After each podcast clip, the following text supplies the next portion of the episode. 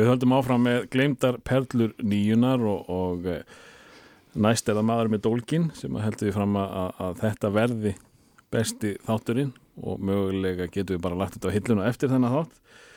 Hann er uh, reinforced eins og allir vita. Uh, Eldar Ástásson, velkomin. Já, takk fyrir, takk fyrir þetta góða intro. Og þeir sem eru á eftir mér eru ekki öfundsverðið sko. Nei, það er allt útlýttur að við þetta sé loka þátturinn Nei, nei, það má alveg halda áfram að reyna sko en, en ég meina Þú, En- þú setur markið hátt þetta verður gott sko Já. þetta verður gott og hérna þetta er svona og við ætlum að hafa gaman að þessu Já. það er alveg líkilatri sko. og, og vera léttur og, og mögulega skemmtilegir Já, já, já, og, og þú ert fyrsti maðurinn uh, ég held að þetta sé elletti þáttur sem ert að vinna með uh, þessi svo gullu remix mikið já, já endurhljóðblandanir eins og við kallum þetta hérna á rúfið ekki? Uh, nei, vegna þess að það er ekki það sama sko. endur hljóðblöndin er, er þá er ekkert verið að fykta í er alltaf ekki að hafa þetta skemmtilegt? Uh, hvað ertu gammal þegar hérna, þessi áratugur gengur í garð? er, ég er 13 ára. Þú því- 13 ára? á því herrans ári 1990 þannig að þetta er alveg gjössanlega þinn áratugur. Já, algjörlega. Og ég átti svolítið erfitt með að, að, að hérna þú veist, ég, ég var nú ekki að leggja í mikla vinnu sko, að velja, sér lög sko, og svona, bara hendi í eitthvað svona til að hafa þetta skemmtilegt sko, Já, já. en hérna ég átti svolítið erfitt með fjarlægast þessi fyrstu ár. Það var mjög, svo, mjög svo rosalega mikið í gangi og skemmtilegt í tónlist. Fyrsta svona, fyrstu ár þessa áratugar. Og ég var allast upp í, í Kóbói ég og hérna Addi Ofar félagi minn Eruð þið á mikið- Kópavogi? Já, báður í Kópói, báður í, í hérna í uh, Kópóskóla á þessum tíma. Já, og það eru skólaböll og við erum að DJ-a og við erum að smikla landabrúsum í plötutöskunum framhjá kennurunum. Svo felum við þá í DJ-búrunu Mm. og erum náttúrulega að spila alveg frábæra tónlist. Og, og já, ég eh, hafði svona árin fram á því, ég, veist, ég byrjaði að kaupa plötur alveg svona 8-9 ára. Þannig að ég var alveg rosalega svona músiknörd, en á þessum tíma þá, þá náttúrulega gerist eitthvað bæði tónlistinu og hjá mér og það svona uh, maður fer svona úr þessu svona poppi og svona kannski þessu svona 80s poppi yfir í uh, svona harðarefni. harðarefni sem kallar þetta. En uh, nei, nei, en, en svona Hva, Hvaða 80s varst að kaupa þegar þú ert krakki? eins og Andres Jónsson sem var hérna í, í hérna spjalli hjá þér, þá Mm. var ég mikill aha maður Já, mjög, átti allar plöturnar með þeim. Um, hvað annað, ég meina Duran, Duran náttúrulega fyrst og, og, og maður leiði sér að hlusta líka bara á vamm og svona, maður var það lítill að maður þurfti ekki endilega verið ykkur liði sko. Nei. Ég man að fyrsta plata sem ég kefti mér var alveg ótrúlega spenntur út af mér hvert A View to Kill með Duran Duran, svo flott lag. Mm. og ég, ég hérna, átti smá pening og, og, hérna, og kaupi plötuna. Svo sitt ég að ná heima og er ótrúlega spenntur. Loksins komið Duran Duran af YouTube og Kill nema þetta var soundtrackið á myndinni. Þannig að það var bara eitt lag sem ég gætt hlustað á. Þannig að þetta byrjaði ekki vel sko, þetta byrjaði ekki vel. En hvað var það sem að leti þig uh, frá poppi yfir í, í eins og ég kýsa að kalla það harðari efni? ég held að það verið mjög mikið útvarp. Ég var að hlusta alveg og svona kannski bara félagskapurinn. Ég man að Addi var að fá svona spólur frá hérna félagar sínum eh, hún er Geira sem bjó í breiðaltinu og hann var að hlusta á svona reif Breiðholt er svolítið á undan ykkur ekki? greinilega, sko, því hann var að, að, að, að láta okkur fá spólur með alls konar svona hip-hop tónlist, Public Enemy, De La Soul uh, og sumleðis uh, svona rave tónlist sem var náttúrulega út í Breitlandi Mm. Og hérna, og þetta, þetta var kallað síra á, hérna, á spólunum. Þannig að við, við kvöldum þetta bara síru, síru ein, ein besta spólan sem voru með kallaðist Major Gold síra. Aha, hún var það. Og hérna og svo var maður að hlusta mikið á útrás ég var að hlusta mikið á líka Ómar Friðleifs sem var með þætti sem hétt XL og, og hérna og var hann ekki svolítið mikið R&B? Já, það var mikið R&B, R&B og, og hérna hiphopi Mm. en, en líka mikið danstólist og, og hérna og í þessu þáttum sérstaklega sem voru á stjörnunni Mm. og síðan held ég kvítatjaldið svona í gegnum árin hann, hann var alltaf að spila einhver svona danstólist danstólistarlög og hiphop en mikið útrás mikið þáttur sem hétt Bjelliðin Það var ekki mikið af uh, svona sprengjum einmitt á útrás. Ég var að tala við Betu, hérna Betur okkur um daginn. Hún fann sér einhvern eitt þátt sem var bara 60s og 70s tólist eh, á, á Úldrarás og, hennar eh, svona fyrstu unglingsár þá er hún bara þar. E, þetta var aðalega það ekki bara unglingapopp eða ekki? Á, á útrás á þá? Úldrarás Nei, þetta var alls konar tónlist. Sko. alls konar tónlist. Og hérna, og það sem ég var að hlusta var þannig, að, já, bjelliðin sem var svona hardcore rave danstónlist.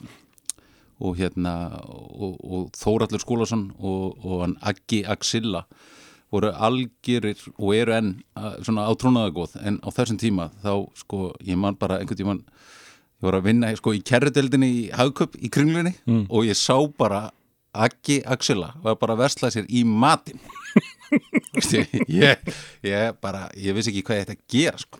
hann bara raða í póka ég er náttúrulega bara það verður bara, þú veist, einhver að- stugga við mér til að ég fer aftur út á plana ná í kerru skil. Það voru algjör átrún og og náttúrulega eins og hefur komið fram í þessu þáttu hjá þér þú veist, þá voru reyf í gangi og, og svona margt spennandi sem þeir voru til dæmis að kynna í þættinu sínum þannig að það var mjög margt svona spennandi í kringum þetta. Þeir eru alveg góðum tíu árum eldri en þú er það ekki? Uh, Jú, ég er náttúrulega svo, svo ungur. Já, Já, ég, og ég held það ég, en þeir eru náttúrulega mjög unglegi líka sko. Mm. Þetta er svona en það var, það, það, var engin eh, ákveðin eh, ákveðin lög eh, ákveðin listamenn sem að færðu frá uh, AHA yfir í uh, Jungle is Massive. Nei, það hefur kannski verið svona fyrst og fremst hip-hopið þú veist, Mm. Public Enemy og Dela Soul voru búin að nefna. Líka hérna uh, Cypress Hill uh, og hérna hvað heita er, hérna House of Pain var mjög vinsalt svona líka 91, 92 en, en er þetta ekki svolítið normið hjá unglingum uh, nákvæmlega þetta Jú, jú, algjörlega, algjörlega. En svo var maður líka að kafa, þú veist, sérstaklega bara á kvöldin þegar maður var að taka upp úr útvarpinu þessa þætti og, og hérna, og reyna svona að fylgast með hvað væri að gerast í svona þessari danstólist sem var svona e, sumulegis að gerast svona við hliðin á hiphopinu og náttúrulega og allt öðrum staði í heiminum sko. mm. þannig að Þóraldur og Aggi svona leittiðu í þessa átt? Já, ég myndi segja það. Já, svona, svona, svona, þú veist, ég var kannski komin með Major Good síra spóluna í tæki og svona, en, en þeir svona tókut allar leið þannig að maður fór að átta sig á e, plötuútgáfum e, listamönnum og svona kultúrunum í kringum þetta sem var algjörlega hellaðar af sko. Það, þú er nefnilega svo fyrsti uh, ég kynntist þér náttúrulega löngu síðar þegar þú byrjar á X-inu sem að tala út frá leipelum Já, já, einmitt uh, mér var skýtsama, þetta var flott hljónsveit en þú fórst strax að hvaða leipel er þetta?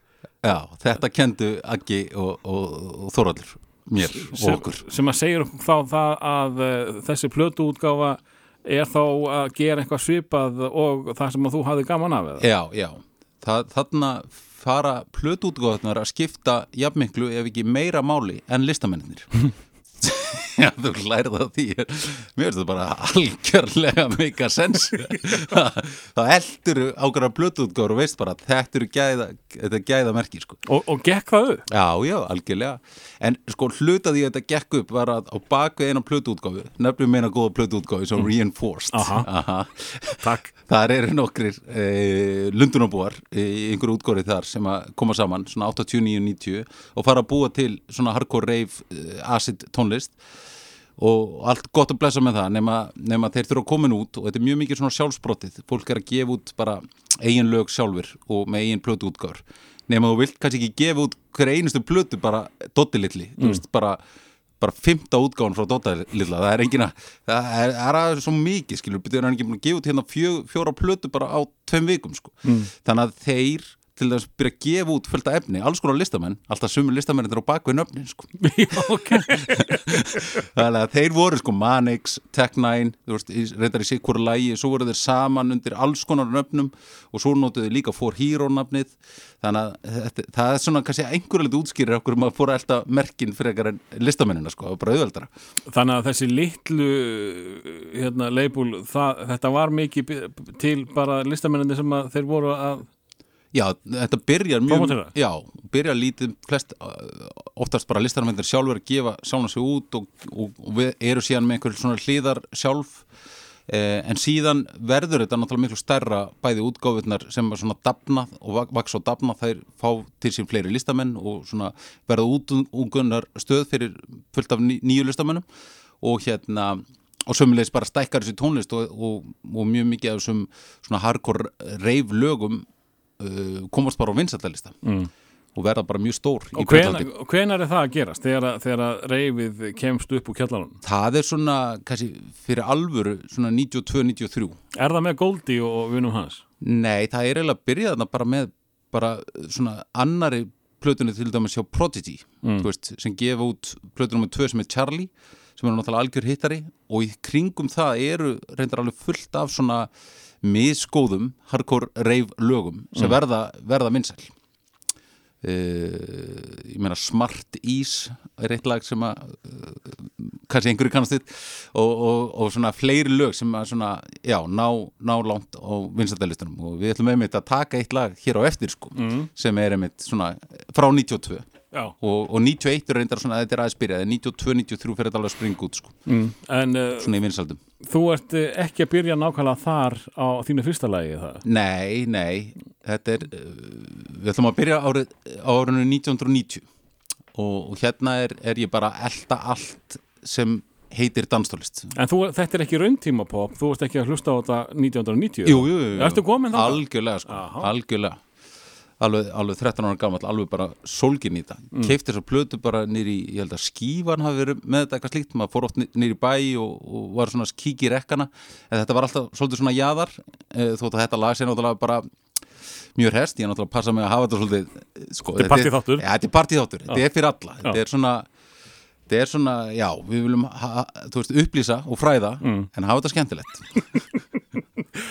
þetta er svona, þú veist, veistu hver ég var? Mm.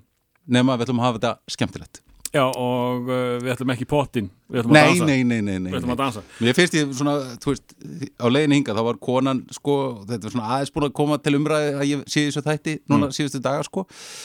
Og hún sagði, blessaði verdu þetta er nú ekkit merkilegt, það er bara það er allir að koma inn að þátt, fullt af fólki að koma inn að þátt, þú ert ekkit merkilegur, þú ert ekkit spes, sko. En mér finnst ég samt, sko, vera svona eins og Siggi Hlö.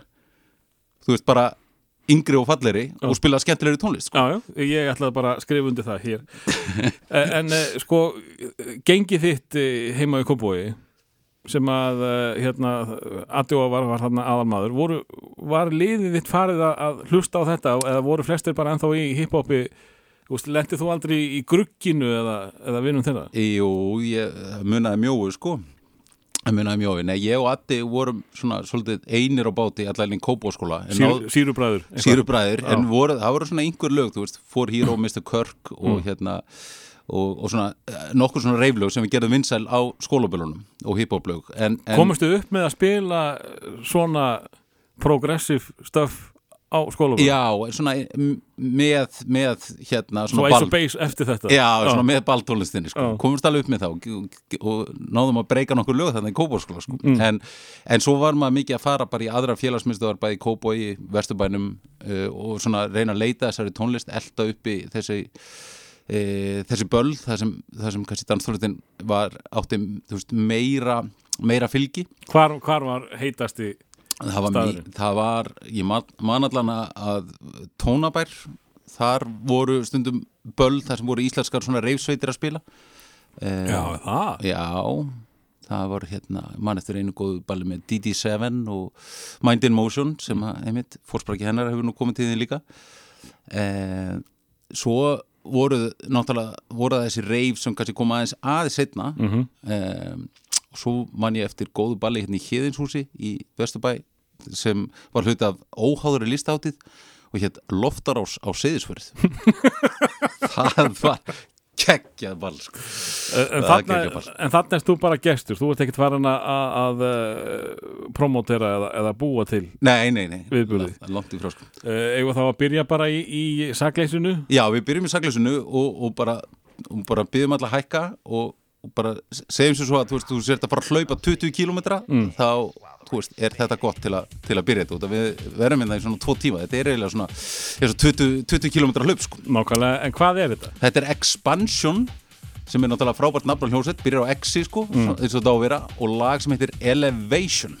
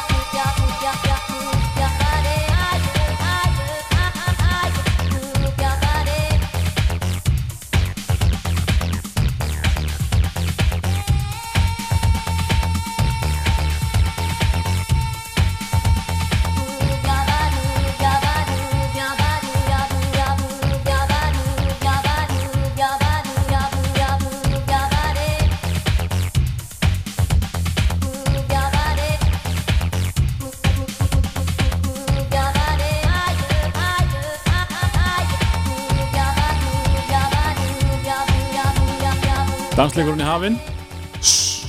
Og, og þetta þetta var sem sagt eh, listapopp, segir þú ég þekki þetta ekki, ég veit ekki niður það. Já, já, ekki kannski hérna á Íslandi sko, en, en í Breitlandi, þetta kemur fyrst út 1990 og ég man alveg eftir að hafa heyrt þetta á útrás, örgulega ekki ekki bjélhiðinni, ég kannski ekki byrjar að hlusta annarkvært ekki að hlusta á hana þar þá eða þeir eru kannski að spila aðeins meira svona underground dót en, en Ómar Friðleis hefur alveg potið verið að spila þetta og, og Jabel Partizón. Og síðan 1991 þá springur þetta út í Breitlandi og, og nær alveg langt á vinsaldalistum og myndbandi við það lag er alveg, alveg frábært sko. Sýra, jafnvel? nei, Nei, nei, það er bara fólk að skemmta sér. Jáhá, og hérna og, og er svona ég ætla ekki að segja hallarislegt en, en hérna það er ekkert þetta um tíma. Það, það er svona batsins tíma. Já. þannig að ef þið eruð í stuði þá flettu upp expansions elevations eh, elevation fyrir ekki En hérna, að því þú byrjar svo snemma að fjárfesta í uh, plötum mm -hmm. uh, Foreldrar, voru þeir mikið að hlusta á? já, mikið að hlusta á tónlist sko Hva, hvað fjöxtu þar? ég uh, man bara eftir mér að hlusta á sko það verður mikið bara í svona folk tónlist og, og hérna og svona íslensku kannski einhverju leiti íslensku eh, íslensku tónlist þess að þursaflokkurinn og Spilverk og eitthvað já, spilverki mikið eh, Megas og ég hlusta mjög mikið á Ego man ég, pappi átti Ego plötundar og svona örli bubba. Og ég man eftir að ég mjög stað mjög töff og hérna og, og grílutnar og, og svona þannig dót sko þannig að ég man eftir að hlusta á, á það bara í svona headphoneum í sófanum í stofunni sko Bara til að benda þér á það að uh, Axel Agnarsson var að skrifa eitthvað við vantilega myndasýrpuna sem að þú settir á fjöldbókinu.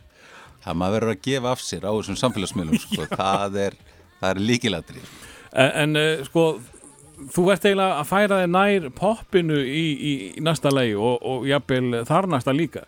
Þannig að úst, þetta byrjar alltaf neðanjarðar, svo stela poppararnir uh, þessum töktum og, og breykum og setja í, í, í poptónlist. já, algjörlega. Og, og uh, ekki það að þetta sé einhvern uh, já, hérna, svartasta pop hljómsveit í heimi hún, hún, hún var að dadra við dansin líka það vantar ekki. En uh, af hverju, hverju fyrir við í, þetta? Ok, mér finnst næsta lag, finnst mér bara eitt allra besta lag, svona bara allra tíma, já, eitt besta lag allra tíma. þá í þessar útgáfu, ekki með orginal Heyrðu, ég bara áttaði mig á í þessu grúski, ég er búin að hlusta á þetta lag núna alveg í 20 ár, en ég áttaði mig á í þessu grúski að þetta er vist coverlag af einhverju Neil Young lag. já, Já, það segir kannski sitt um minn tónlistasmakk að ég bara hafði ekki hugmyndið það. ég hafði ekki hundið það líka en hérna en eh, þetta er hljómsveit sem kom líka til Íslands og ég man eftir að hún spilaði í Kólaportinu eh, hvað, 92, 93, 94 einhvers stað þar. Mm. og, og hérna og þannig að ég fór á þá tónleika og þar var líka eh, drum bass blötusnúður sem hétt Doc Scott að spila og N-Trans sem er stór svona 90s sveit líka. Já, sem að, hérna, sem að aðeins meiri síkur heldur en Aðeins meiri Já, En, uh, talandi um þessar tónleika því ég, ég fór ekki uh, var ekki soundið hræðilegt Jú, það getur vel verið ég heyrði sko. það að það hefur svo kvelt og, og, og vegginni svo berir að þetta og stóð látt til loft svo einhvað að þetta hefði ekki verið nota sem tónleikastafi mikið oftar eftir Ég þetta held að það segi, segi alveg sitt að það, þetta hefur ekki verið, þetta pláss hefur ekki notað aftur sem tónleikastæður sko. En ég skal bara játa að maður var svona, maður var í smó partigýr sko og svona og, og ég var bara í góðum félagskap og hérna, mér varst þetta alveg geggjað sko, mm. þetta var frábært. eh, að því þú talar um útrás og síðan enda þú í útarpi sjálfur fóstu eitthvað tíman þangaði og á kannski búið á lokinni þegar, þegar þú fyrir í mentaskóla Já, búið að lóka neitt þegar ég fór í mentó sko, mm. þannig að ég náði því ekki. verulegu skellu fyrir strákin Já, þá settum maður bara markið og komast inn á exið, auðvitað. Það var náttúrulega stöð sem líka gerbreytti landslæðinni þegar hún byrjaði sko. já, þá erst þú orðið 16 ára Já, jú, og svoleiðis. getum við talað um game changer ef við slettum pínlítið Já, algjörlega, algjörlega. En uh, svona, ekki svona í, í, í frum bernsku exist þá, þá voru þeir ekkit endilega að spila þína tóna en þeir voru samt graðari heldur en bylgjan. Já, já mjög svo. Og náttúrulega voru að spila allar þú veist, kannski hefur þetta byrjað þessu öðru sinn, þú veist, voru að spila Underworld voru að spila, þú veist, ég man að þeir voru mikið að supporta þetta bjarkar og Underworld gig sem var í lögutarshöll Mm. sem er náttúrulega bara einna eh, svona hábúndum e, áratugurins í tónleikahaldi á Íslandi alveg ekki að tónleikar e, og gerbreyttu hlutunum fyrir, fyrir mörgum sko. E, þannig að jú, í minningunum finnst mér að þeir hafa verið að spila alveg svona alternative across the board og líka danstólist Já, en, en voru kannski ekki að snerta á veist þessu allra jú, Aggi Axilla var reynda með Var hann með þátt já, sem var að læka þannig myndina. Já, ok. Aggi Axilla var, var með þátt sem hétt eh, Ringul Reið eða Chaos. Aha, já, og hérna þannig að það byrjar kannski svona 94 og hann er með þann þátt í gangi í svona eitt ár. Þannig að ég á alveg góðan stafla á spólum. Mm. En þá? já, já, já. Varstu að setja, þetta áttundum? Nei, Nei, nei, alls ekki. Gott að eiga þetta. Gott að eiga þetta. Þetta er ykkur stær í kjallaranum. Eh, Ég man nefnilega þegar, þegar maður var á exinu þá hérna sko var einhvað lag sett í spilun og menn voru það lús að eh, sko að spila remixin. Við vorum beðnur um að spila það er vinslast ekki strax fyrstu vikuna. Leifa læguna að lifa eðlulega eh, eina viku eða einhver svo leiðis svo máttu fara að kafa í og setja all remixin í gang sem voru í bóði En- Vá, ég man bara, var, þetta var á okkur blöðum sko, veist, það voru eitthvað svona eitthvað, playlistin playlistin á blöðum. Ó, og það var náttúrulega eitthvað powerplay sem var mert eitthvað triple A eða eitthvað slíkt. Og hérna og ég var náttúrulega ekki í datagrunni eins og þið en hérna en það var svolítið fyndið, við vorum náttúrulega stundum að koma lögum að í spilun og svona. Og, og hérna og ég maður bara hvað okkur fannst það mikill skellur, skellur þegar, þegar kanarnir komu og tóku, tóku við sko. Og breytist í country? Heyrðu, og það, það var allt í nú bara bannað að tala illa um aðra útvarstætti á stöðinni. Það held ég að skíum og bræður hafi verið svektir yfir því sko. Manstu, skonar manstu eftir einhverju smetlu sem að þið náðuð í gegn? já, ég man eftir John B. Hétt Salsa. Já, eh, náttúrulega Ronnie Size, Brown Paperback sem er kannski ekki alveg fyrir okkar tilstöðlan en við vorum náttúrulega búin að spila það í marga mánuði mm. ára hann fór í spilun um, áttu þið ekki líka Starburst? Jú, Starburst, var það ekki John B? Já, ég var reiki fyrir John að spila B. það Já, já, einmitt, einmitt fór ekki vel í Sure. Það er allt ég er að kynna með Adam F. Circles, þú ert nú enn að nota það sem svona gott stef hérna, þannig að kannski, þú veist, þú átt það náttúrulega inni eftir að það er reykir fyrir að styðja eh, jungle og drum bass tónlist á Íslandi. En það er svona, þú veist, hvað gerir maður ekki fyrir menninguna? Mm. Ha, Nákvæmlega, það geit svona skell, sko. eitt lítið skellu, hvað er það? Heyrum hér uh, Neil Young lægið Herru, við erum ekki búin að tala um hvað hljómsveitin heitir, sko. Já. Sem held þess að tónleika, góðsakna ekki tónleika. Já, ég ætlaði að segja lægið á síðan hljómsveitina en Já, býtu, heldur þetta sé þinn þátt. fyrir kjöð, fyrir kjöð. taktu við, gerum svo vel Herru, þetta er Saint Etienne. Já, Árið er 1990 og þetta er lagið Only Love Can Break Your Heart.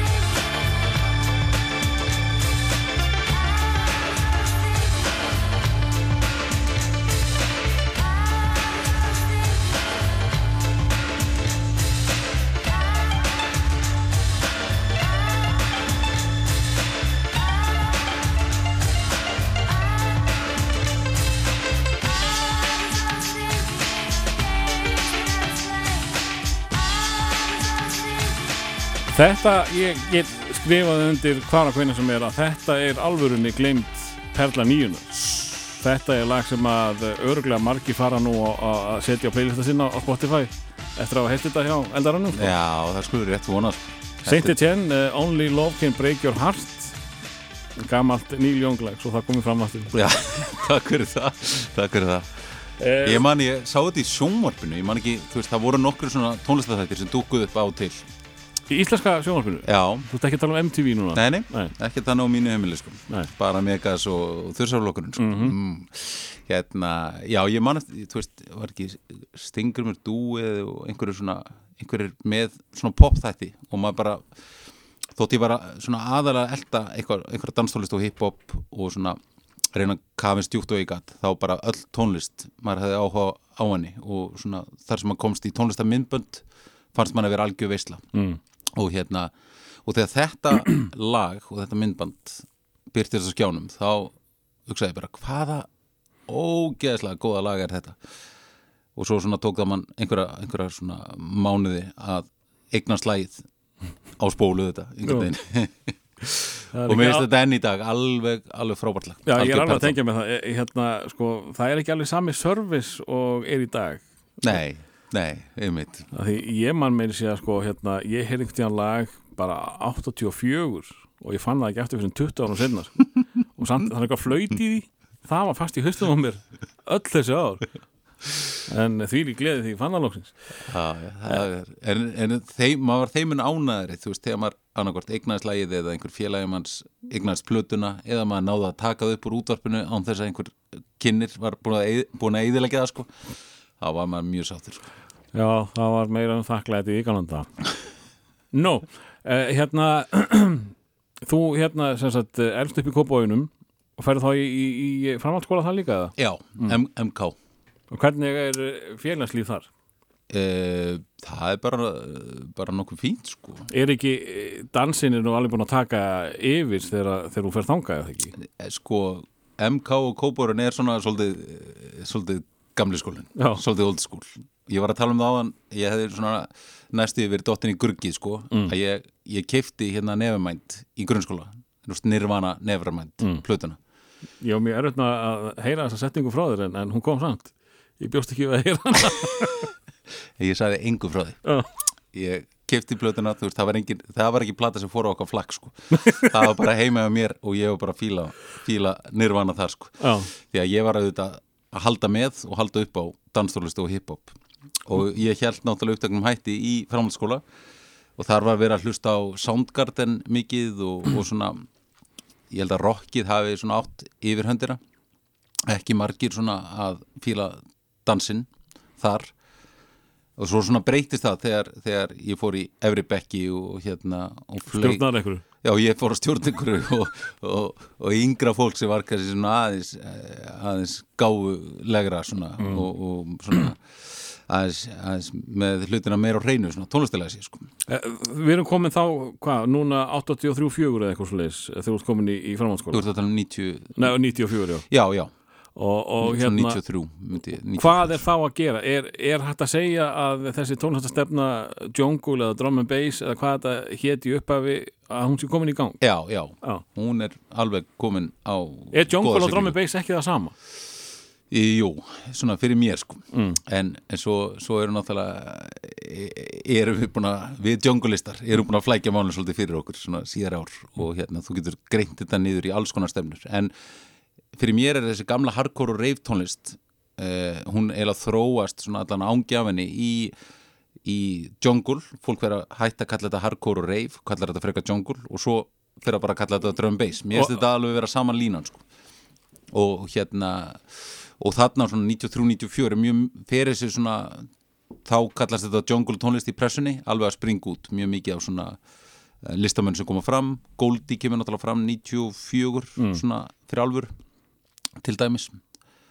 Og hérna, já, þannig að ég er mjög mikið að hlusta á það og svona bara alla, alla tegundir tónlistar en er mikið að taka upp Agaxilla uh, með, með ringulreit og hann var svo séður, sko, hann var líka að selja plötur og þá þurfti maður að fara niður í hérna, og það hann var með plötubúð í galna dags hétt undirgöngin, svona 91-92 allana og, og hérna og síðan hætta með hana en hann er með hann útarstátt svona 94 og maður getur farið í útarstáttin niður í niður, á X. Niður á X, dupna góðan heyrðu það er bara með góðan kassa af plötum sko. þannig að þú vart að fíla eitthvað lag og bara geti keift bara tóltum það er alveg sörn það er gegga sko. Það er svo gegga maður er aðeins að mana sig upp í það sko að þóra að, að mæta sjálfum Aga Exila þetta var eftir og sástan eh, í Hangug já, já, nokkrum ára setna það er svona maður orðin aðeins mér í töffari sko já. á þessum tíma. En ekki af töff og Aga Exila sko það er oft í frá sko. Þannig að þetta var rosa, rosa cool og flottur kultur sem hann hann stóð fyrir sko veist, og margir það sem plötusnum fríman og fleiri ef þeir voru að spila í Partisón, það var mjög sjaldan einhver tónlist af einhver alvöru í Partisón en ef, ef Fríman var að spila eða, eða Reykjíð kom til Íslands og spilaði, hann spilaði á Hotel Íslandi 94 þá, þá spilaði hann í Partisón og þá gæti maður tekið upp þáttinn og, hérna, og hlusta á hann alveg bara út árið sko. Mm passaði sér náttúrulega stilla ekkert á partysón þessu milli sko en, hérna, en þegar þessir svona, þessar svona hetjur á fríman með, þegar hann leit við í partysón eh, og Aggi með sinn þáttu þetta það, það einhvern veginn svona hjælmanni alveg gangandi og þá var maður að fylgast með þessum útgáfum og þessum listamönnum og bara allt sem var að gerast Og, og þegar að, menn, sko, ég man að þið voru mikið að tala um útgáfunar mm -hmm. uh, þegar þið kynntu tónlistina listamannu var eiginlega bara aukaðatriði uh, hvað þá hvað lægi hér, þetta var frá þessu leibili Var, var Partizón að gera þetta líka? Gáttu þið eitthvað lært? Uh? Nei, nei, nei, nei, nei. Þeir, þeir voru náttúrulega alveg út á þykju sko, en, en en hérna, en við læriðum náttúrulega að meisturum sko og hérna, nei, ég, ég held þetta að hafa verið svolítið í þessari svona, svona jungle og reif og svona harðari tegund danstóristar mm. og þannig upp úr 1990 þá fer þetta svona skiptast í hardcore og softcore Hvað er þá softcore? Það er þetta disco, disco pop sko Sem að sást á, á listum? Já, sem sást á listum og, Getur þú nefnt með dæmi um, um softcore? Um, já, ég meina Er tónun limited softcore eða er það ómikið pop? Eða? það er, það er eiginlega svolítið fyrir utan, utan þessa, þessa skilgringu okkar sko. Eru að tala kannski um hana, Sesame Street? Nei, eða, eða Sesame, Street, Sesame Street mætti alveg vera hardcore og SL2 er alveg hardcore sko. SL2 þá veit ég ekki hvað softcore er softcore er bara, eh, þú veist, house bara, já, bara disco já. og bara það sem, sem Partizón voru að spila mikið og hérna og verður náttúrulega bara svo mjög vinsalt svona síðar sko mm. en bara allt sem var ekki nú hart og, og hratt og svona reyfað Það sem var ekki með þessu bíti Já Já, já, eða, eða bara var bara, var bara eða var ekkert að gerast. Þá fór þetta bara í sokkur. Þú veist, Siggi Hlur er alveg til í að spila einhver, þú veist, sokkurlög frá þessum tíum en hann fer aldrei að dífa sér í hardcore sko. Nei, ég er að lesa þig. En þú talar hægt um Fríman Já. Hann var tekno, eða ekki? hann byrjaði auðvitað alveg réttu megin línunar sko, var alveg að spila hardcore og, og svona early jungle og drum bass tólist Nú er það? Já. Ó, Ég held að hann væri bara svo, nei, Hann færi sig yfir í teknói svona 94 myndi ég segja. Ó, Það var náttúrulega mikill missir sko, skellur. En að þú komst aðeins inn á þetta með Nevermind.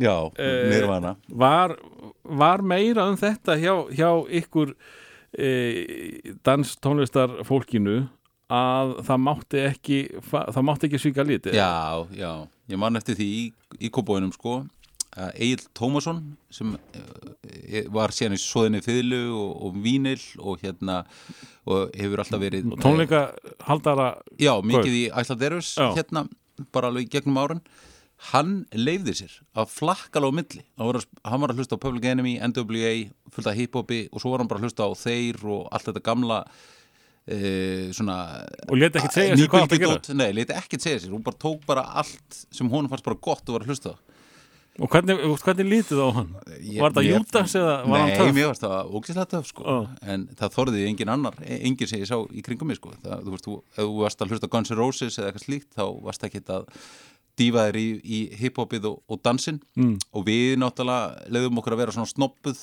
gagvart eh, rockurunum Þið voru að snoppuð á móti partysón, come on Já, við, við, við leiðum okkur það ekki alveg strax sko, veist, það kemur svona setna sko, þegar, maður er orðin svona 17-18 þá veit maður hvað klukkan slær skilur Já. þá getur maður farið að farið að, að belga sér sko.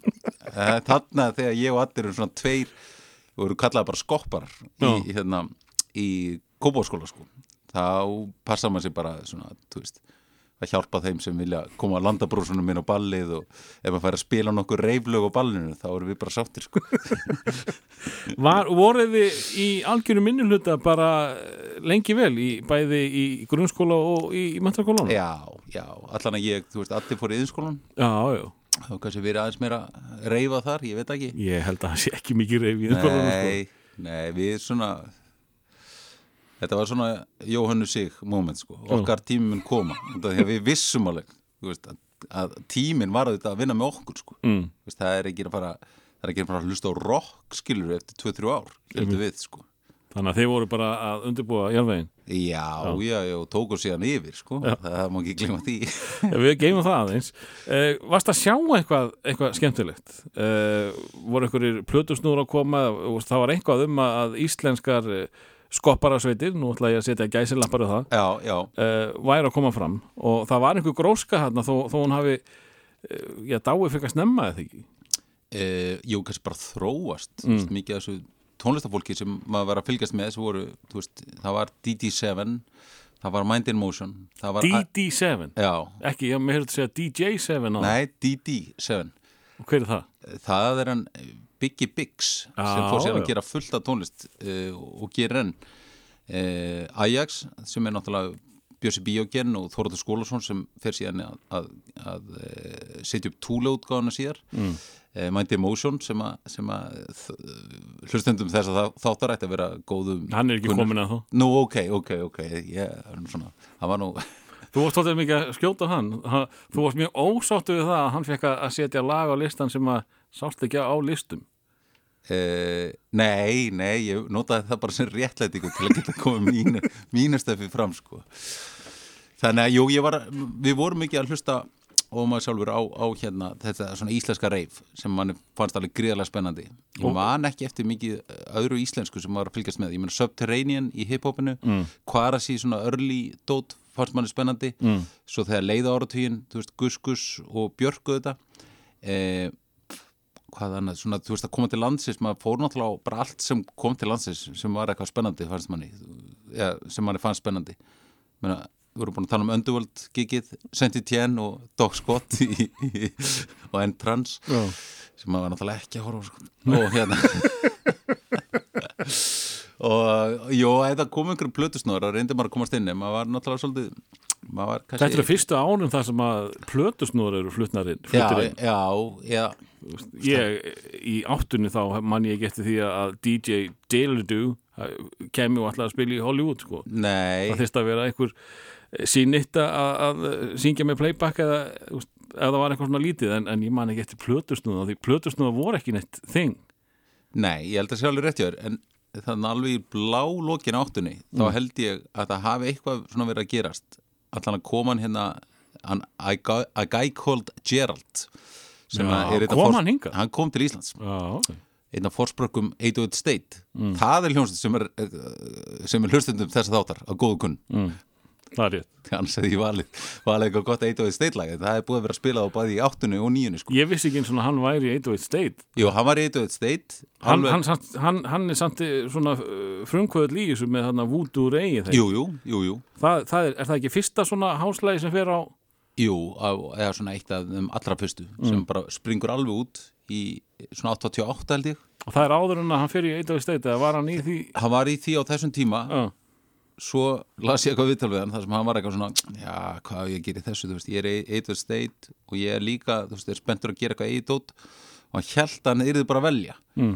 og hann sér svolítið eftir þessar í dag því 8 state yrði síðan alveg hjút svo hann var miklu meiri svona underground stjarnar sko. Já. og hérna og bara með þetta eina lag bara með þetta eina lag sko, Já. meðan 8 State heldur náttúrulega áfram, fór að vinna með Björk í nýjunni og hérna og gera frábæra hluti eh, hann var hérna á Íslandi ég held að það verið 89 eitthvað svoleiðis. Hann er náttúrulega fyrir mína tíð sko. En, en hérna, þannig að þetta er svona aðeins að fara að stað, en svona miðbygg nýjunar, þá fara að koma fullt af DJ-um til hansins og er það ekki mikið til uh, vinuðinum í partysóna þakka? Já, jú, kannski einhverju leiti sko. er, er, erum við ekki með eitthvað annar lag á þessu lista? Jú, ef að fara í pop? Getum við ekki verið að gefa Partizón eitthvað kredit sko. þannig að pop gjör þessu vel, þetta er Opus 3 og frábært lag sem heitir It's a Fine Day og við ætlum að tala um það aðeins meir eftir, eftir að þeir eru búin að hlusta Takk að þér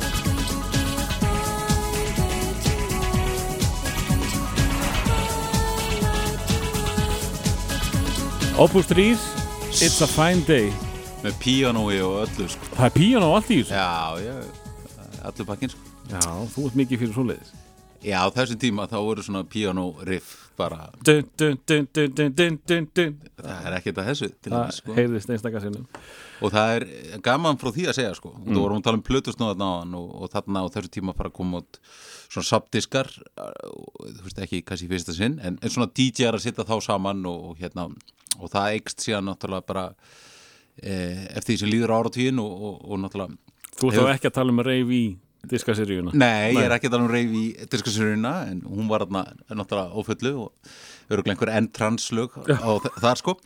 Eh, en hérna, en einn allra besti svona sabdiskur settur saman um, af DJ eða svona mixaður saman er eh, diskur frá honum Erlend Oi sem heitir DJ Kicks sem kemur reyndar út á vitlisum áratug en þar tekur hann svona mjög netta nettar snúning á þessu lagi. It's a Fine Day með Opus 3 mm. tekur líka Smiths og ímislegt flott með svona alvöru bara góðu svona hústeknói þannig að ég mæli með því Erlend Ói, DJ Kicks á föstudags eða lögutaskvöldi verði ekki svikin Erlend og er það ekki söngarinn í hérna Kings of Convenience og, og söng með Rauksopp líka og, og soloartist hefði ekki trúa því að hann hefði verið að DJ-a mikið. Nei, en þetta er alveg geggið, geggjaður diskur.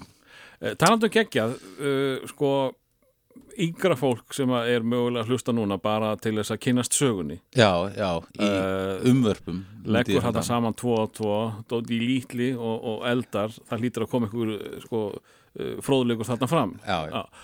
það er hljómsveitin Ajax sem að uh, fólk uh, já, á þínum aldri og kannski eitthvað aðeins yngra þekkir vel og síðan bara búm fullt af fólki sem veit ekki hvað Ajax er nema að þetta sé fótboltalega þóttaefni Já, já, einmitt, einmitt. Þetta er dúó sem eru Þóraldur Skúlason sem ég hef rætt um hérna Mhm. fyrr e, þáttarstjóðnandi björliðarinnar og fer síðan og stopnar túlaútgáfuna og er e, liðtækur plötusnúður og tónlistamæður í dag og Bjössi Bíókin e, ég held að heiti Björn eða hétt Björn Sigurbjörnsson Mm. sem er e, því miður fallið frá en gerði alveg fullt af ótrúlega fallegri og flottir tólist eftir Ajax Já, hann, fó, hann fór meira í þá ambient áttina eða ekki? Já, já, mikið í ambient og svona tilrunarkenda tónlist Og hann hjálpaði líka eða ekki mikið til við fyrst, svona stór, fyrstu stóru Sigurósaplötuna? Já, Hann, hann, að, hann allan gerði remix fyrir, fyrir hérna, Sigurós og hefur örgulega unni með þeim eitthvað ég frekar. hann hafi verið með á, á, ágættis byrjun sko. Já, kemur ekki óvart, hann er uh, svona hans fingrafur uh, í þessari svona neðanjarðar sérstaklega elektrónisku senu Mm. yfir allan áratíðin eru mjög svona hans fingrafur eru víða sko. En, en sko, þannig er Ajax og hann fer síðan í, í hérna, jafnvel bara uh, sko, dýbra í, í þessa tónlist og fer Já. í svona ambient sem, að, sem er nú ekki mjög söluvæn tónlist. En uh, ég man þegar hann lést þá, þá hérna, þá var hann gífulega virtur út um allan heim, eh, allan heim, allan, allan land. Og rosalega margi sem að þurftu að tjásu um hversu magnaður Algjörlega, hann, hann snert alveg ótrúlega uh, marga með tónlist sinni og svona bara viðmóti og hvað svona hjálplegur gagvart rosalega mörgum tónlistamönnum mm. og auðvitað kannski fyrst og fremst í þessari svona raf og danstónlist en líka alveg út fyrir það mengi Mm. og í dag er verið að gefa tónlistina hans sem kannski kom ekkit út á sínum tíma út hjá eh, erlendum plötuútgáfum Já, það Já, Nína Kravitz hefur gefið út uh, allana heila breyðskjöfu með honum. Nína Kravitz er svona stort nafn í, í teknogerinum. Mm. Þannig að fólk er enna svona leita í, í þennan fjársjóð sem hans tónlist var og hann var náttúrulega að gefa að gerður ógislega mikið af tónlist sem kom bara hvergi út á sínum tíma sko. Var Já. kannski ekki alveg fara við fyrir einmitt.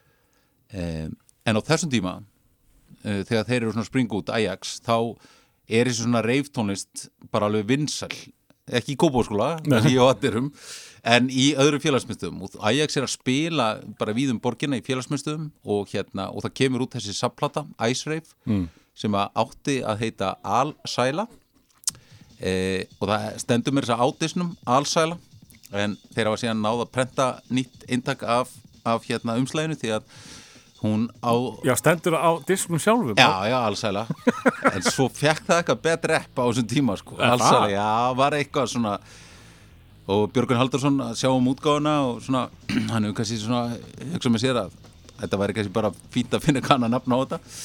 Þannig að e, Ice Rave var niðurstaðan. Og það er plata sem inniheldur e, að megnunu til svona rave tónlist og, og meðal annars lag með Ajax sem heitir Ruffage og í þessu lagi þá s- syngur eða segir nokkur orð annar tónlistumæður sem heitir Goldie.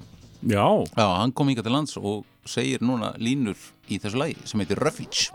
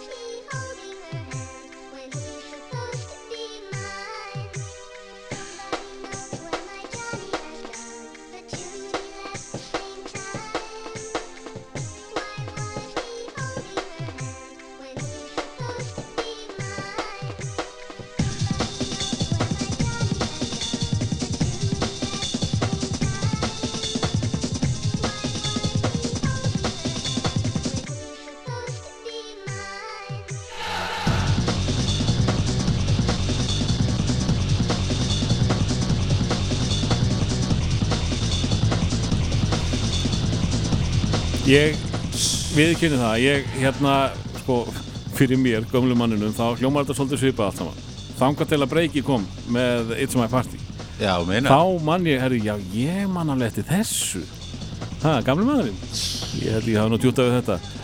En e, þú varst allan með þarna nettskúpa þarna fyrir vittlýsingan svo mig. Já. Að, að eh, sjálfur Goldi hafi verið þarna í einhverju hlutverki, Já, hann var það en e, hann taldi sem verið í öllu stærra hlutverki eða hvað.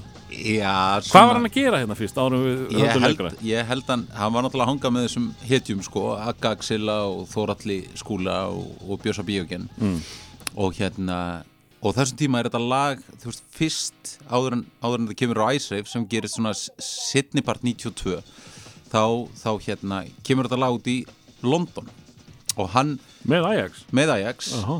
en fyrir tilstöðlan hérna Goldie og hann að, já, ég man ekki alveg akkur hann var, eða, just, ég veit það náttúrulega ekki en ég heyrði að hann að hefði verið hérna á Íslandi veist, að, spreyja á spilatorki og, og svona einhverja búðir og kannski, Já, kannski hann var svona graffiti listamöður. graffiti listamöður og kannski eitthvað að gera fyrir akka í, í búðinni hans undirgöngunum mm.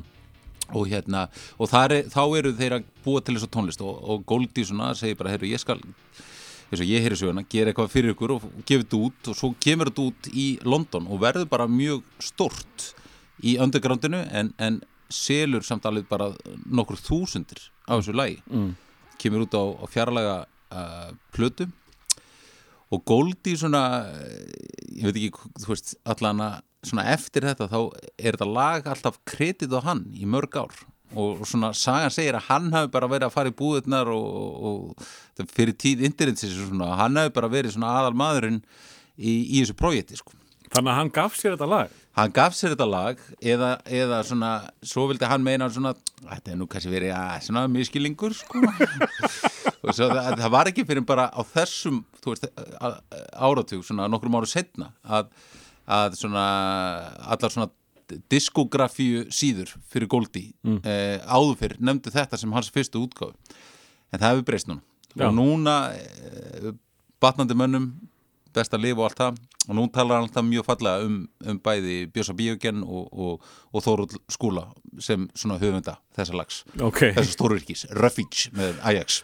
Geggjalag, geggjalag. Uh, en, eh, sko, þú talar um að þú hafi sett uh, listaðin upp á einhvern ákveðin hátt. Ég skila það ekki. Ég, það, það er einhver, einhver breytur þarna í þessu sem að ég skil ekki. En, en eh, erum við eitthvað að fara að nálgast uh, útastáttin í sögunni? eða? Já, við erum farin að nálgast sko uh, ég er náttúrulega ég, þú veist, ég hendi þessu náttúrulega bara einhvern veginn saman sko. Þú veist, þetta á bara að vera gaman bara skemmtilegt Það má, Fræ- kannski geta, fræðandi. það má geta þess kæri hlustandi að uh, ég fekk þarna tíu laga lista og ég var eitthvað, uh, hvart, ég finn ekki eitthvað bla bla bla þá sett hann á mig 70 laga lista sem hann var líka tilbúin með Já, maður vill vera við öllum búin Já, sko. já, já. sérstaklega, þú veist, ef maður er að koma inn og hitta, hitta þig og þú veist þú með alls konar reglur og svo ertu nú bara í loftinu hérna á rúf þú veist, eða þú ert ekki með einhverja sportætti þá ertu bara í, í dagamálútvarpinu og bara öðrum hverju þætti hérna, þú veist, ræður öllu þannig að ég vildi hafa þetta allt á hreinu sko. ég vil ekki bara koma inn og klúður þessu sko. Nei, nei, nei það, er nú, það er nú bara það sko En við viljum hafa gaman að þessu Já, Og- það skiptir nú er öllu máli. Stutt í það að við séum farin að kýta og ekki viljum við gera það Nei, nei, alls ekki, alls ekki uh, Hvað ætlum við að gera hér næst? Við ætlum að halda áfram í reyfinu sem er svona gríðlega stórt 1992 Já. og það er listamæður frá Breitlandi sem var að gera gríðlega góða hluti og náði meðal annars inn á breska minnsaldalistan með þetta lag því að það er svona skilda hjá þér Mm Eina af þessum reglum eina þessum reglum uh, og þetta er Trip to the Moon og hérna og þetta er, kemur bara svona uh, já úr þessum reif hardcore uh, reif farvegi Mhm. og hérna það er flott myndband við þetta lag sem má finna á YouTube var svolítið spila á MTV þannig að þetta er alveg þetta er, uh, við erum ekki að svindla henni reglum hér sko ha. en nú er líka bara um að gera hækka svolítið mm -hmm. það er gaman á hlutunum því að Asian Trip to the Moon kemur núna næsta fónin Gjöru þessu vel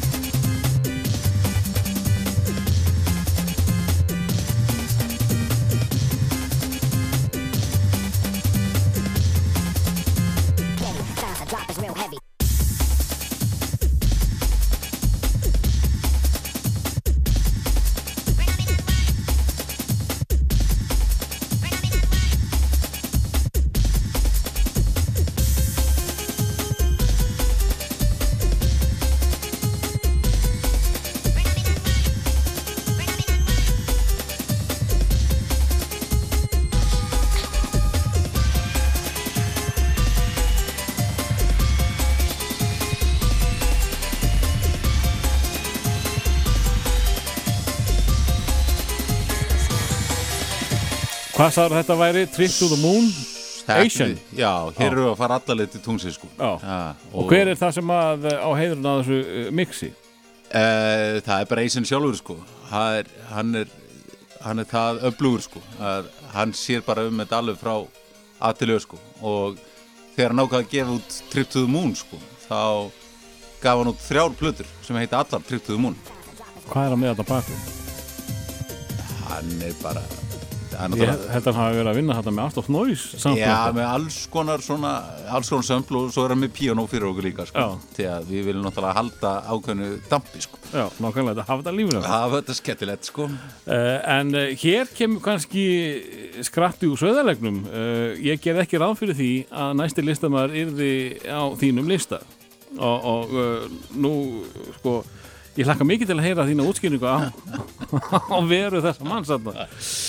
Sko, þetta er við erum náttúrulega búin að hafa það við erum búin að hafa það gott Já. núna í klukkustund sko. Við erum búin að hafa það mjög gaman og, og við vorum að tala um svona alveg upp að þáttar eins, þú veist, þú ert kannski í þú veist, ef við söfnum öll þessu lögum saman þá getur það hlaupið 10 km Mhm. en út af því að við erum hérna að gefa á okkur á milli laga, þá er þetta komið í 2 tíma og það, það þýður þú átt að fara alveg 20 km á þessu, á þessu prógrami sem við erum að veit ykkur sko. Mm. en ef við ætlum að vera alveg hreinskilir þá erum við kannski búin að skemmt okkur aðeins svo mikið sko. sérstaklega til síðasta lagskilir það, þú veist prófa að hækka þess, prófa að hækka þess þetta er Ég, úst, ég, Ef ég, þetta er eiginlega hættulegt sko. þegar að þið voruð í ykkar, ykkar útarfi, Já, þá var það þessi hérna. Skímor. Eitthvað þessu. Reinforced. Lækka smá. Sjátt át eitthvað. Sjátt át. Dinner and Zero. Svo kom alltaf blúsandi bítin á milli. já þú náttúrulega gerir þetta þú gerir þetta hálf klaufalega sko. Nú, ok.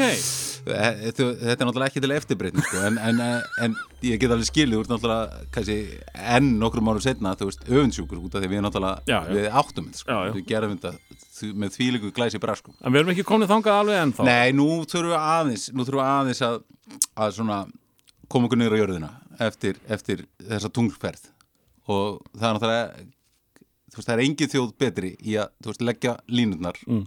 koma okkur í smá svona skynsemi en svíjar svíin kann þetta. svíin kann þetta og hérna og næst er að maður sem var mjög ábyrjandi á, á þessum áratug því að ég, þú veist maður verður að vera svona þú veist, almennur, Já. við verðum að gera eitthvað fyrir almenning líka, sko ha.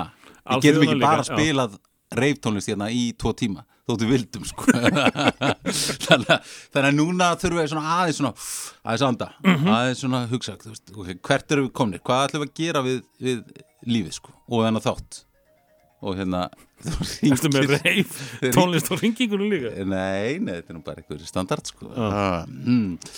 Þegar við vonum að það, það hverfi brátt Þetta, þetta er bara flott undirspil. Já, ok, Áfram ok. með þig. Já, já, og hérna Já, þannig að núna erum við samt bara á, á frábærum stað til Mm. að fá frábært lag með flytja það sem svona, þú veist, áttum allan að einn ef ekki tvo hittara Er í tvo rísa. Tvo risa, Tvo, ok, já, ok, já. ok Hvað veit ég um það, þú veist, ekki var ég að hlusta á hana.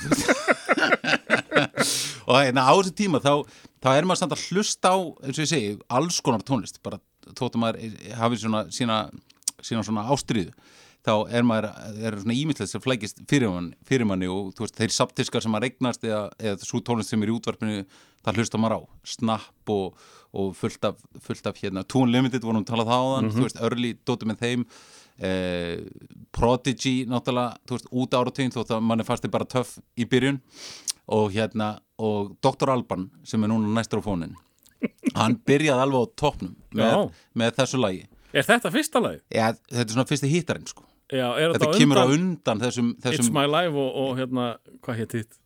já, þú segir mér, ég veit ekki hvað, ég maður fara eftir It's My Life en það er alveg rétt, það er eitthvað annað sem er, er Ég var með þau bæði í haustum rétt á þannig að það skiptir ekki öllum máli. Já, það skiptir náttúrulega engumáli því að við erum að fara að heyra lag sem að leggur okkur línutnar og, Sing og, Hallelujah. og, og hérna, já, það er svona ómikil, það er aðeins of léttvægt Já, Já, við, við, við höfum ekki þangað. nei, Nei. og ég bara bið fólk að hlusta á, um að hlusta á textan Mhm. í svo lagi því að þegar Dr. Arban er með skilabóð fyrir okkur og sérstaklega eftir svona hamagangin undarfærið og þetta er lag sem heitir No Coke. Gjörðu svo vel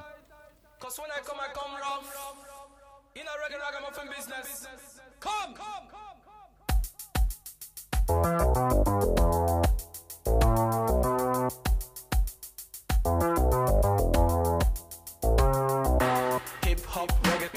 dancehall style. Hip hop reggae in a dancehall style. Hip hop reggae in a dancehall style. Two o'clock on a Friday morning. Come a down man, come a knife man. Knife up and dance mash up the cars. On the run, Mr. Come a King Street. Yeah, he was arrested and tested. And the drugs he had in him,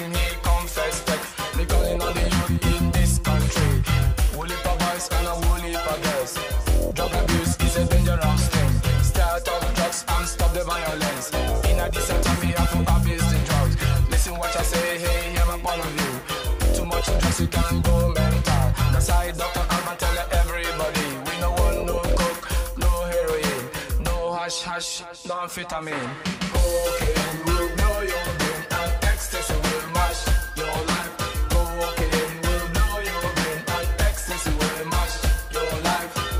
Pushing is a serious thing.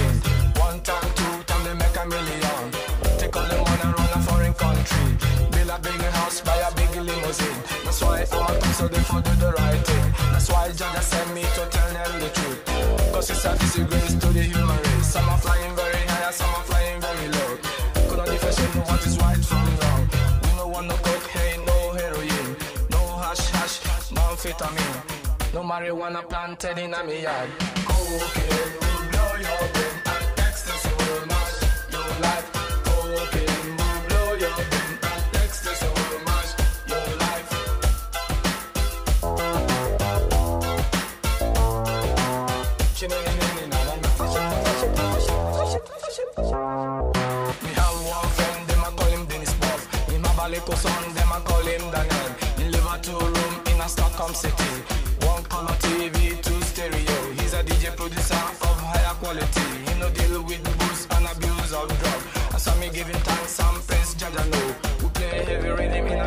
stop.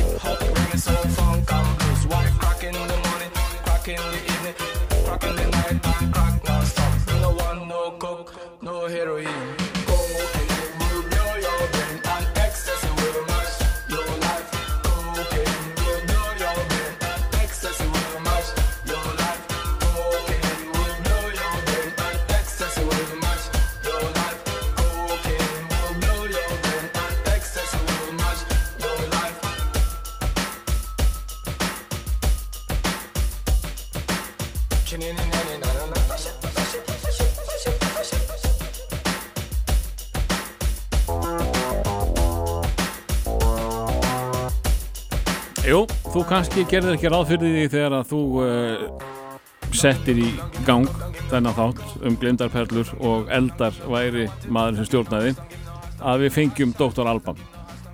En uh, þetta er náttúrulega bara þörf skilabóð eftir svona, Já, líður ekki betur. Jú. Já, helt það sko. Og uh, sko þú veist líka svolítið að vinna með svalan hann og uh, Dr. Alban uh, var kannski ekkit skemmtilegastur en hann var alltaf svalur. Já, sérstaklega þessum tíma þetta lag er sko 1990 sko þannig að veist, hefði ég verið að plana þetta eitthvað þá hefði ég sett hann í byrjunu þáttarins sko. En, en út af því að maður er svo lús þá bara hendi ég sér Já, þú varst mikið, sko, þú varst mikið hrifnar að early stuffinu hjá hinum og þessum. Þú myndist þarna á Two Unlimited og, og, og fleiri góða. Já, já. svona, þú veist sumt að þessu er ógeðslega gott í dag eins og Dr. Alban lagi No Coke það finnst mér vera alveg geggjað en sumt að þessu er bara ekki gott eins og Two Unlimited, það er bara ekki gott í dag. Snap finnst mér margt mjög gott en þó þessu Early Gamla stuff- dóti. Já, en mér fannst bara, þarna var maður sjálfur að, að gefa tónlist svo rosalega tíma og, og, og auðvitað byrjum við síðan með þennan útastátt skíum or á X-unu 1996 sem er svona setna eh, en þá svona þú veist, það er svo stránga reglur í þessu podcasti og svona, þetta verður að vera eitthvað svona pop þannig að ég er svona ég er svona dætt alveg í þetta svona early 90s Aha. og það er bara svo skemmtilegu tími bara frábær, frábær músík og frábært væp og margt í gangi e, þú talar um hip-hop í upphafi þáttar Já. og, og uh, það, það finnast hip-hop-leifar á listanum og uh, þetta er náttúrulega með í svalara sem að hefur farið á, á vínil eða, plast eða í tölvu eða hvað sem það er. Já, algjörlega. Uh, Þú nefndir þessa sveit ekki þegar þú varst að uh, telja upp þær hip-hop sveitir sem þú varst drifin af? Já, það er út af því að nú er tækifæri til að tala Ah. um Diggable Planets. Já. Eh, það, það kemur svona akkurat á þessum tíma. Ég, veist, ég held að þetta lag veist, hvað er þetta, 93 94 hvað, með við kíkja, hvað er að gerast Já, þú ert náttúrulega að skrifa þér ártölum við þetta allt saman inn á Já. síðun okkar sko. Já, maður svona þess að reyna að vanda sig sko.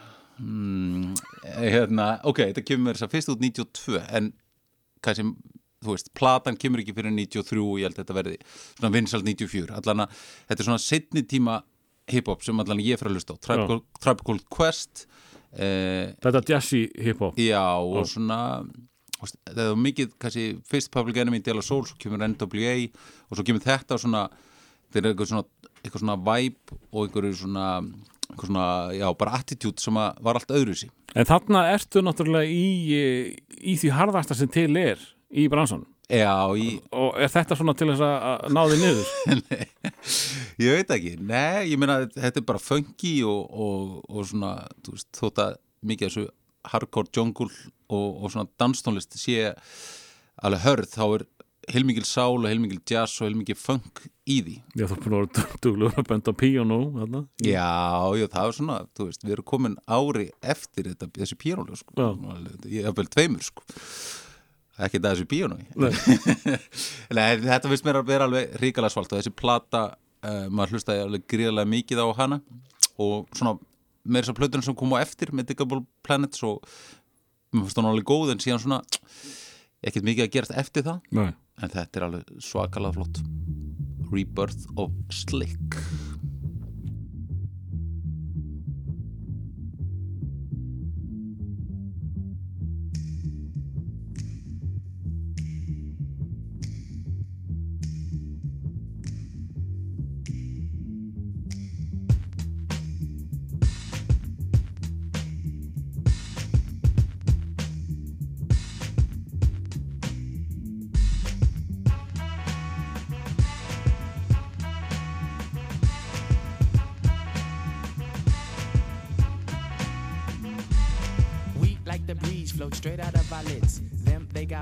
these hard rock Brooklyn kids. Us floor rush when they DJ booming classics. You dig the crew on the fattest hip hop record. He tucks the kinks and sinks into the sounds. She frequents deep, fatter joints called undergrounds. Our funk zooms like you hit the Mary Jane. They flock to booms, man, boogie had to change. Who freaks the clips with mad amount percussion? Where kinky hair goes to unthought of dimensions. Why is it so fly? Cause hip hop kept some drama. When butterfly rock the light blue suede pumas. What by the cut? We push it off the corner. How was the buzz entire hip hop era? Was fresh in fact since they started saying Audi. Cause funk's made fat from right beneath my hood. The pooba of the styles like miles and shit. Like 60s funky worms with waves and perms. Just sending junky rhythms right down your block. We beat to rap, what key beat to lock, but I'm cool like that. I'm cool like that. I'm cool like that. I'm cool like that. I'm cool like that. I'm cool like that. I'm cool like that. I'm cool. I'm cool. Wheat be the chocolates, taps on my raps. She innovates after sweeter cat naps. He at the funk club with the vibrate. Them they be crazy down with the five link. It can kick a plan, then a crowd burst. Me, I be digging it with the bug verse. Us, we be freaking till dawn peaks and I. He gets a stranger smile, so I say hi. What's up? Who understood? Yeah, understood the plans. Him heard of it and put it to his hands. What I just flip, let borders get loose. How to consume all the beaches like juice.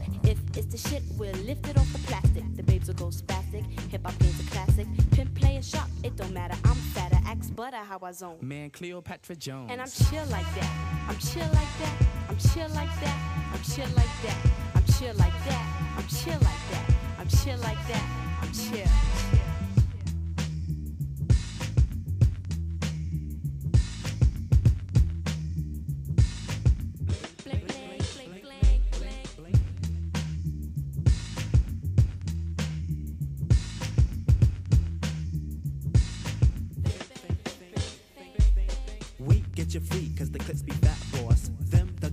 And commenced to going off. She sweats the beats and asked me cause she puff it. Me I got crew, kids, seven and a crescent. Us cause a buzz when a nickel bets a dope. Him, that's my man with the asteroid belt. Fake catch a fizz from the Mr. Doodle Big.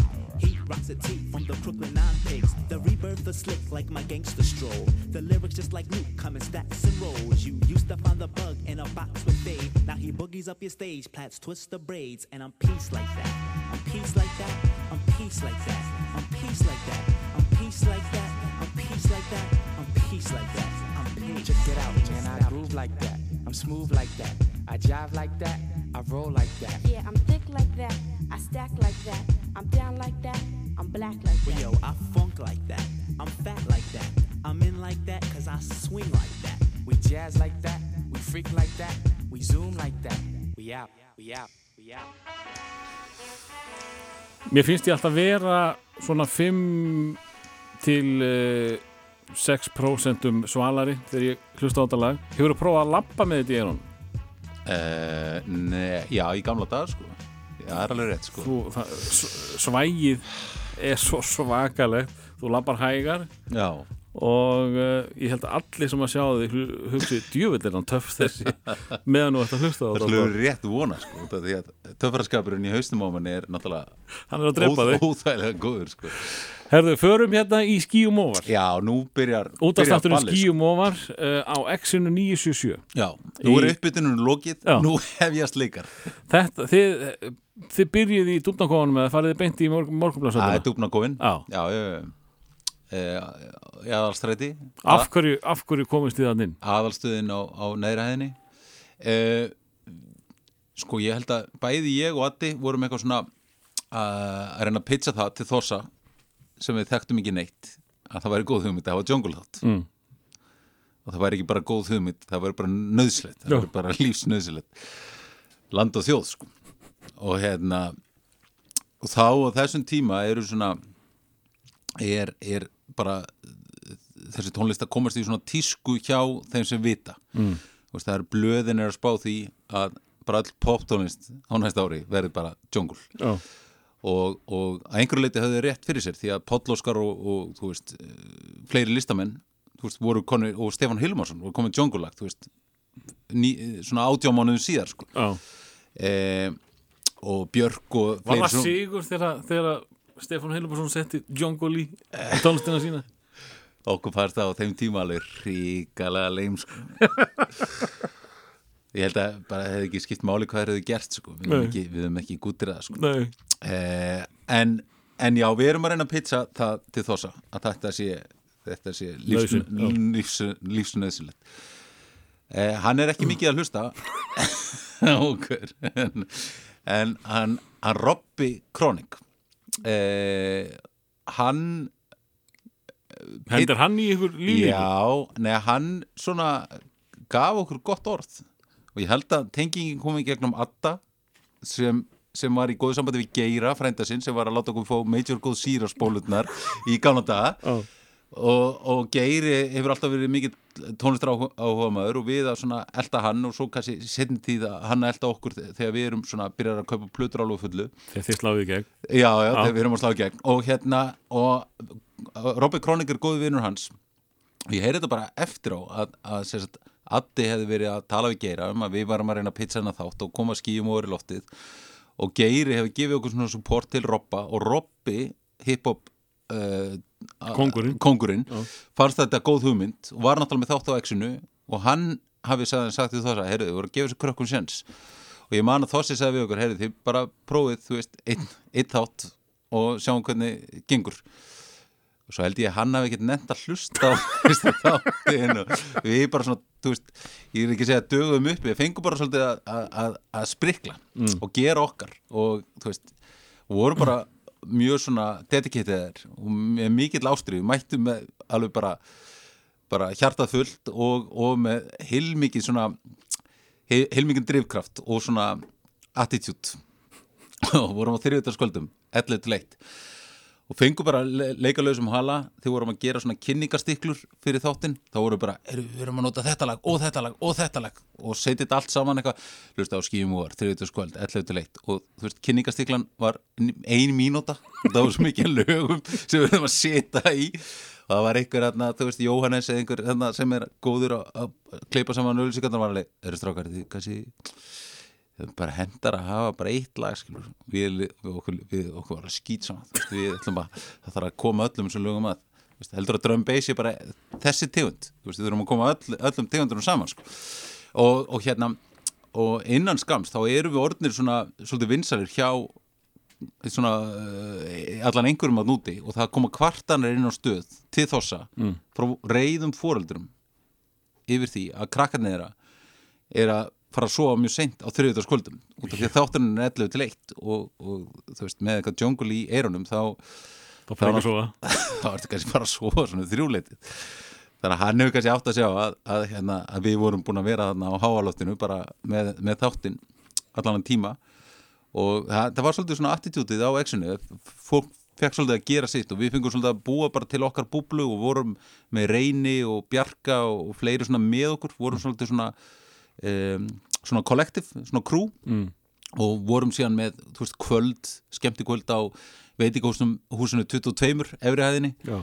eh, sem var svona geibar niðri og við fengum að vera uppi á miðutaskvöldum og bíóbarnum í voru þið kjallaranum. bara á efstuhæðinni Já, vorum bara uppi já, það og bara sem er hvað, Kiko í dag Kiki í dag. Kiki í dag Svo erum við á bíóbarnum Svo erum við á Tetris þannig að sem er gamla dushús í Feysisusundi og vorum, eh, spiluðum með Propellerheads í tunglinu Kitty Canina fekk okkur í það DJ þarna á efri hæðinni þegar Propellerheads voru að spila mm. þannig að vorum svona DJ þú veist við sér um borginu og með okkar kvöld og svona En voru þið sjálfur mikið að DJ? Voru það ekki bara þeir sem að fylgdi ykkur sem Jú, jú, voru mjög mikið þeir sem fylgdu okkur sko, veist. En samt voru þið DJ-er alveg frá banna sko Já, já, Af við hverju- vorum alveg að DJ líka sko. við kannski bara svona veist, Addi kannski segja meiri DJ en ég og var, var þú veist, það svona uh, kannski, já þú veist fókusinni okkur lá líka bara í að kynna tónlistina, vera í miðasölunni og, og hérna gera þetta, þetta var allt svona do it yourself, þú veist, prenta ekkert að flæra farum alla borgina og endanum var svona, þú veist, hver DJ-ði var, þú veist, ég er ekki að segja aukaðri en það var bara svona aðrir í krúinu sem tóku það bara svona fastari tökum. Og þarna, þarna fættist uh, ákveðin tegund af eldari Já, já, algjörlega sko. Þessi promóter sem að þú vannst síðan eitthvað við í, í framtíðin Jú, passar, við vorum með uh, góðsagnarkendra tónleika á jazzháttið í Reykjavík.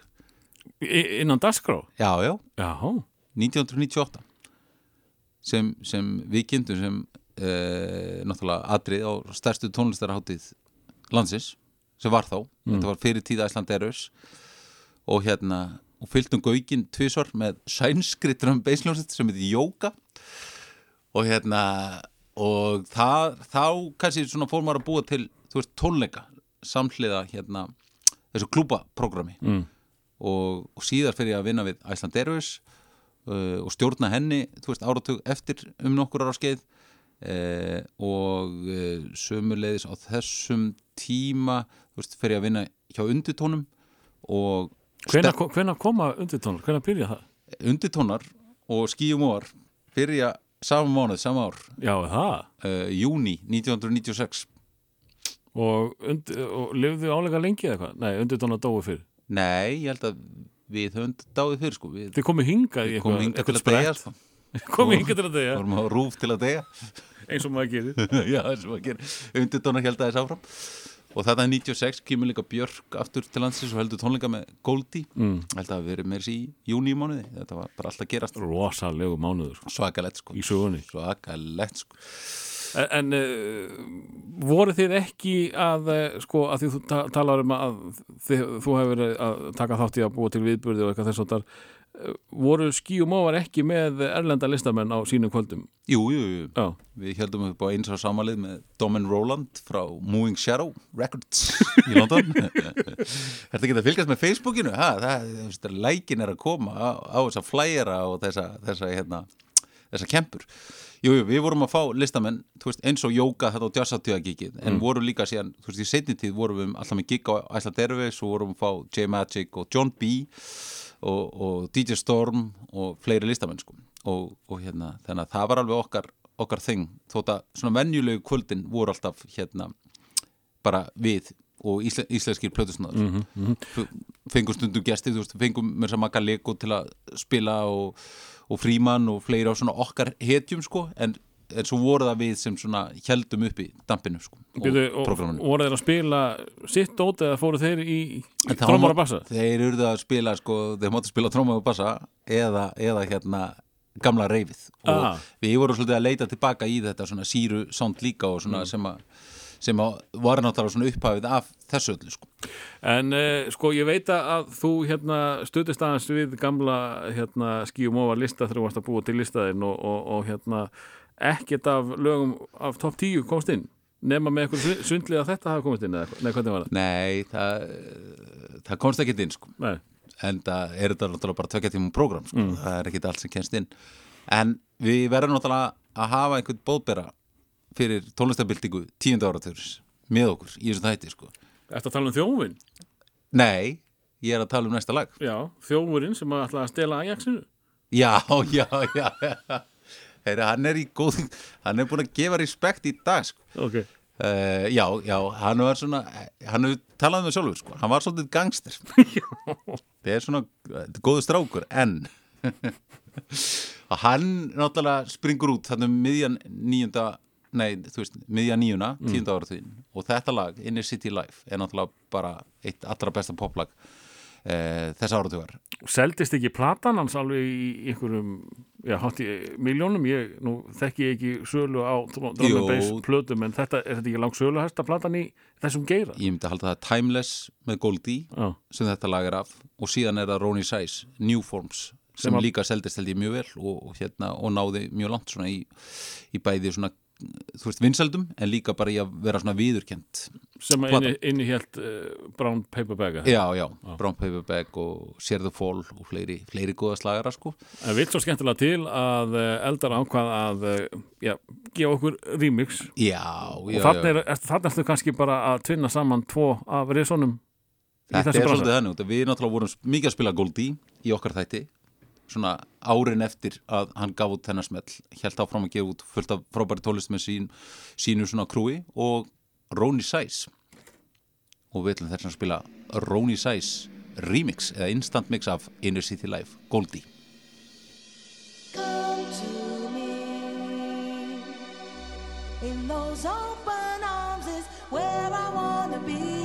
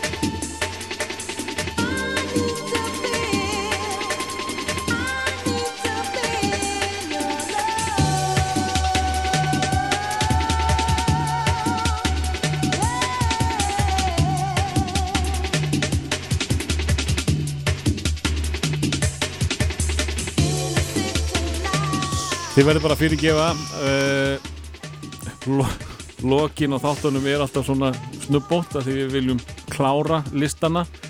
En, en þetta er náttúrulega lag sem að allir þekkja og þetta er örgulega þekktasta drum and bass lag sögunar? Ég myndi alltaf það sko.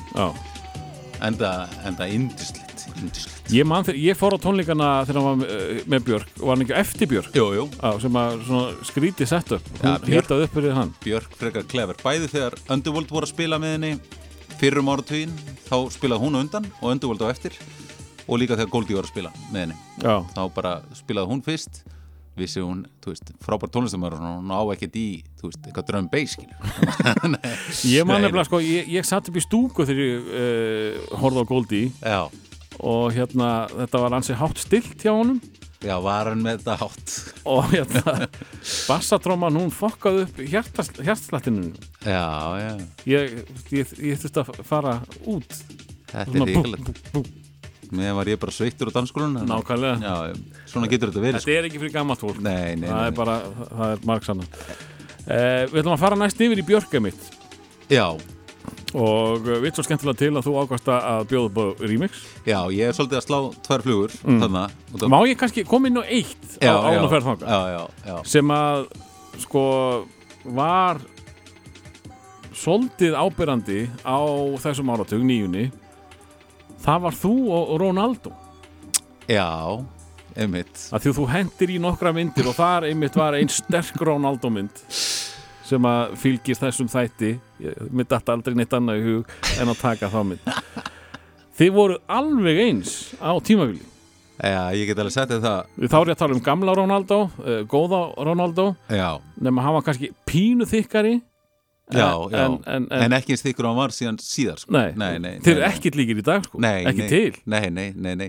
Þetta var maður náttúrulega snóðaður sem var bara ágætið svona jungle clipping sko. mm og hérna, ég man alveg eftir því að hafa verið, þegar HM var í gangi örugglega 98, getur ekki verið að HM hafi verið þá, jú, að þá var ég að gefa, gefa eiginandar Er það ekki? Jú, í lögadalum, það voru krakkar sem komið upp á mér sko, og ég fór ekki tíman með e, undirtóna genginu Snorra Barón og, og, og, og fleirum hérna til og Ísar Lógi var rýtsjóri hann reyndar held ég að við ekki verið í þeirri ferð. Og fórum hérna til London og Snorran það svo fyndið að ég var alveg svo Ronaldo hann keipti hann það með brasilíska treyju. Og ég, ég er náttúrulega bara vippaði mér í hana og svo var Snorri með svona sólgliru við hliðin á mér og, og hérna þetta leit út fyrir og hann leit út fyrir að vera svona bodyguard. Og fólk var bara hópaðist að okkur. Þannig að jú, jú, ég ætla ekki að, að taka fyrir það sko. En sko á ferðu þínum erlendis á þessum árum var ekkert svona hort á því hmm. ég man bara eftir þessari Londonferð sko. Um, en þetta var út út úr Uh, við ætlum að fara og tala um svo, Björk. svo við farið náttúrulega í sikkur átt sko. Hann hefur orðið þippinn og, hérna, og ég hefur bara hár og myndalegur með yfirvarskegg sko. þannig að þetta er svona breytist. Já, ég ætla aðeins að segja frá Björk út af, þú veist, við erum komin í næsta lag. Björk og þetta er Guskus remix. Mm. það eru hérna Alfred Moore og, og Biggie Veira. Og mér finnst Guskus svona, það maður var mikið að hlusta þá þegar leiði á áratvíin og það sem þeir voru að gera, eða þau eða náttúrulega, þetta er náttúrulega svona fjöllista hópur sko. Eh, hvað, 94-95 kemur sér fyrsta plata og síðan er, eru þau að dæl út frábærefni út nýjuna. Og Björk náttúrulega algjörlega einstæður listamæður og, og kemur þetta fram í uppæði nýjunar með 8 State, síðan debutplatan og síðan náttúrulega bara allt sem hún gerir á þessum áratug algjör negla. Og, og, hérna, og hérna erum við komin að stað með lag sem heitir Hunter sem er Gus Gus Remix. Frábært lag, frábært remix, frábært listamenn. Og það fylgir í ein lítil saga að við vorum á veitikosinu 22 með gott skí um orkvöld eh, gólfið verið að henni dúar það er svo margir, við náttúrulega yfirfylgdu staðinn og, og hérna fylgdum einhver reglum með það og þegar það eru svona einhverju alvöru drum bass slagarar í gangi þá hoppa allir og, og skoppa og, og, og, og hérna og gólfið dúar og ég er niður í miðasölunni og það kostar 200 krónur inn sko.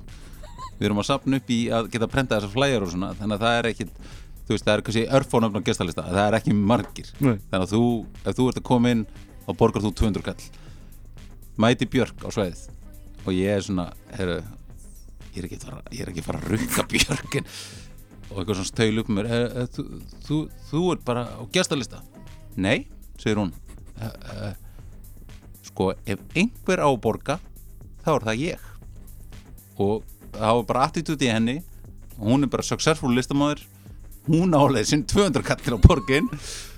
Og mér er það ógeðslega kúlist það er að vera bara að lappa inn í einhverju svona einhverju, ekki einu svona hróka, heldur bara veist, alveg velkomin inn þá hugsaður hún bara, ég ætla borgin þannig að hún setti 200 kattir á borðið og fór upp að dansa